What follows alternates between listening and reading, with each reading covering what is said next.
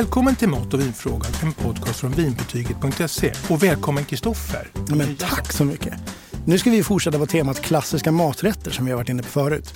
Och just eh, den här gången så har jag fått höra att vi ska prata om biff Rydberg. Mm. Det kan jag tänka mig att det finns en story bakom. Vad är biff Rydberg för en rätt? Men det här är ju då, vi har ju talat om internationella storheter vad det mm. gäller maträtter som carpaccio, eggs benedict och sådär. Mm. Internationella eh, som finns på alla menyer i alla länder i stort sett. Men biff är en mycket svensk rätt. Mm. Och den skapad för ungefär drygt eh, hundra år sedan. Det är lagom. Eh, ja, men den är högaktuell. Du hittar den på bra restauranger på mm. menyn. Är det den som är så inbakad? Nej. Okej, okay, det, det, tar vi nästa avsnitt. ja. Vilka är ingredienserna i en biff Rydberg? Ja, men om man skulle vara lite sammanfattande och eh, lite ja, förenkla i, i absurdum, då skulle man säga att det här var en lyxpyttipanna. Men mm. det är då fin oxfilé i tärningar som är brynt. Det är mm. stekt eh, potatis, det är lök, det är äggula och senap. Mm. Och vi kommer lite, till, lite längre fram till hur man kan hantera dem där på ett, på ett bra sätt.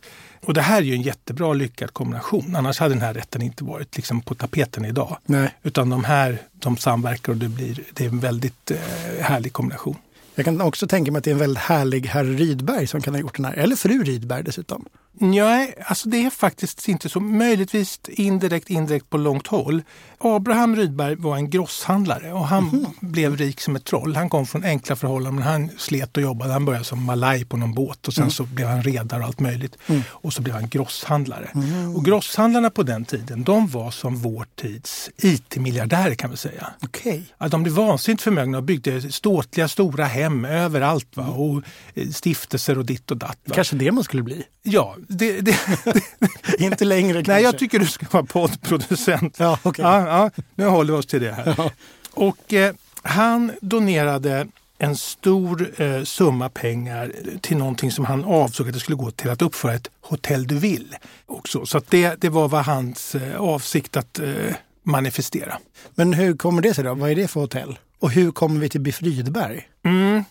Alltså, han hann aldrig se hotellet. Eh, Attans. Nej, eh, det, han dog innan dess. Men mm. han hade ju donerat då, så den här, något som heter Grosshandlarsocieteten fick pengarna och mm. skulle då genomföra det här projektet. Mm.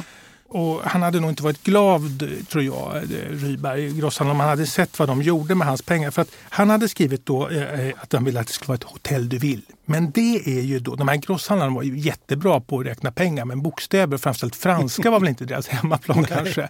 Så ett hotell du vill, det är ett stadshus. Alltså för politiker. De trodde det var ett hotell. Så de byggde ett hotell eh, för hans pengar. Men det här var inget, eh, alltså det var inget hotell som skämdes för sig, tvärtom. Det här hade internationell klass. Mm. Mm. Och det var, det var liksom, vi kan komma lite till alla eh, fina moderniteter som det hade. Det var bara inte helt rätt helt enkelt. Mm. Döptes det då till Hotell Rydberg? Ja, det gjorde det ju. Och vart, vart ligger det här någonstans? Finns det kvar? Alltså det, det låg på Gustavs torg. Aha, och det var okay. en fin adress på den tiden. Mm. Det är inte en dålig adress idag på något sätt, men då var det Operan nära till slottet. Mm. Alltså det var väldigt, det. det. var där det hände. Va? Mm. Där har vi idag riksdagshuset och sånt längre bort. Men, mm. Så där, det var en fin adress där man byggde. Och man hade då fått in gasbelysning, det var en nyhet när det här byggdes. För man hade vattenledningar och badrum och så vidare. Det var ju också jättemodernt. Ja. Mm. Och i bottenvåningen, mm. inte skatt åt badrum, det hade man inte. Det var jättesnuskigt. Man hade fin mat och massa drycker, man hade, men man var, levde ganska snuskigt. Det var tur i alla fall att de hade Instagram. Det hade de. Och då i det här hotellet så låg då eh, restaurangen och ja. en, en, bar också, en Rydberg-bar. Och den hade en, någonting som kallas för en American bar. Det var helt enkelt en mm. lång bardisk. Det hade man aldrig sett i Sverige förut. Okay. Och ja. där serverar man cocktails bland annat. Det här hotellet då samlade till sig eliten ur olika, men mm. framförallt den kulturella eliten. Det var väl kanske folk från Operan som sprang dit mm. gissar jag. Det var konstnärer, det var författare, skådespelare överhuvudtaget, intellektuella. De, det var ett vattenhål för dem. Det låter som den svenska varianten av Harrys bar, verkligen. Ja, mm. det kan man absolut säga. Den var ju bara lite tidigare. Just det. Och hur ser det ut idag då? Det här fina hotellet då Det revs redan 1914. Jaha, Ja. vad tråkigt. ja, så vi kan inte titta på det. Nej, Och istället byggdes det ett eh, bankpalats på tomten. det blev i alla fall ett palats till slut. Vad man kan säga är väl då att eh, den här grosshandlaren Ryberg, han blev i alla fall förevigad med sin donation för att vi pratar ju om honom och maträtten idag. Och att maträtten lever vidare. Ja, det är sant. Ja, det fast han visste inte om sen att det skulle bli varken hotell eller maträtt. Men han, han är inte bortglömd vill jag nej, säga. nej, det är faktiskt bra. Men vem skapade då till slut Biff Rydberg? Jo, men det kom en duktig matkonnässör, eller vad ska jag säga, en, en, en, en köksmästare, en chefskock eller kreat- kökskreatör som hette Regis Cartier. Och han var utbildad i Paris och han, han kom via Sankt Petersburg på, och så hamnade han i Stockholm. Och han tog över den här restaurangen för den, den behövdes eh, i hotellet. Ett, ett Mm. proffs. Och, då, och han skapade rätten och så döpte han den då till Biff Rydberg. Mm. Mm. Om man tittade på en meny då från 1893 och ser en biff Rydberg. Vet du vad den kostade? 45 spänn. Ja, men Kristoffer. en gång till. 207 spänn. Nej, just det, det måste just vara mindre. Det var länge sedan. Ja, vi säger, vi säger en, en 12 kronor. Ja, 60 öre. Så det var ganska Ja, det var- nära. ganska nära. Det här är ju ändå en vinpodd från början. Mm. Och vad dricker man till en Biff Rydberg? Är det vin som gäller? Ja, då är jag ju otrogen för jag börjar prata om öl direkt. Egentligen så är det ganska mycket ölmat. Ja. Och då på den tiden, då gillade man ju öl och snaps. Och det är Vin fortfarande ibland. ändå. Ja, så det är klockrent om man vill ha det. Men många tycker att det är gott med vin. Och då ska man tänka på att den här har ju sina ingredienser som att ta hänsyn till Mm. när man matchar. Och då finns det då den här lite udda fågeln, alltså det är eh, äggulan. Den, Ja, den stökar till det hela. Det här har vi varit inne på tidigare Ja. några gånger. Och det kan göra knepet. Men jag tror vi ska hitta en lösning på det. det och jag vill inte heller överdramatisera. Vissa skulle kunna säga att det går inte att ha vin till det här, det är omöjligt. Men visst går det det. Först så har du ju då en gyllenbrun härlig potatis och den skulle jag föreslå att den gör man i ugnen. Med. Man gör tärningar först som man kokar och sen så lägger man dem i en bunke med lite olivolja och sen så blir de gyllenbruna. Inget os, inget som fastnar i någon panna eller någonting. Det är bara perfekt. Ja. Ja. Och sen så bryner de här oxfilétärningarna Mm. så att de är, är lite skönt rosa inuti. Mm. Och sen så tar du eh, den här äggulan i separat. Mm. Den, eh, kanske, jag tycker det är snyggt att ha ett snapsglas så står den här äggulan Just så, det. mm, bredvid. Och sen så tar du inte gul lök som är skarp utan man tar en elegantare schalottenlök Mm. och den i smör så får den så att den blir mild Mm. Mm. ganska länge. Den kan nästan karamelliseras, då blir den elegant. Mm. Och sen istället för skarp dijonsenap så tar vi och gör en eh, senapsgrädde. Du blandar vispgrädde med senapen, rör ihop det. Då blir det också mildare. okej. Och sen gör man det på tallriken. Och då kan man gå på ett rödvin som är... Eh, och äggulan den behöver man ju inte ta liksom, eh, koncentrerad som Man behöver inte klunkvin. blanda i vinet. Nej. Nej. Utan där, kan, om man blandar ihop det med det så Ja. blir det bara som en slags kryddning kan man säga. Mm, mm. Jag tycker vi går till Frankrike. Det tycker jag verkligen. Ja, därför där kommer ju Regis Cartier ifrån. Va? Och det, men Rydberg skulle kunna låta lite som en franskt. Rydberg. Ja, men det är utmärkt. Och vinet, då tar vi det från en mästare som heter då Chapoutier. De är liksom inte bara kända i Frankrike utan det är ett världsnamn inom eh, vinproduktion. Mm, verkligen.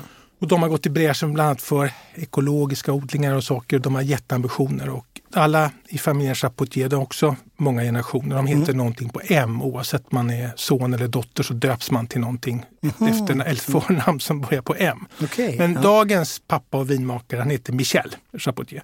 Och det finns ingen som har fått så många 100 poängs bedömningar för sina viner eh, av den här fina tidningen Wine Spectator som han. Ja, ja. Så det här är proffs. Ja, verkligen. Och de gör ju viner för tusentals kronor. Mm. Men även ett sånt vin som vi ska prata om idag. De har liksom en skala. Okej. Ja, Och det, då kan vi kika på det här. det tycker jag verkligen. Och det heter Belle Rouge.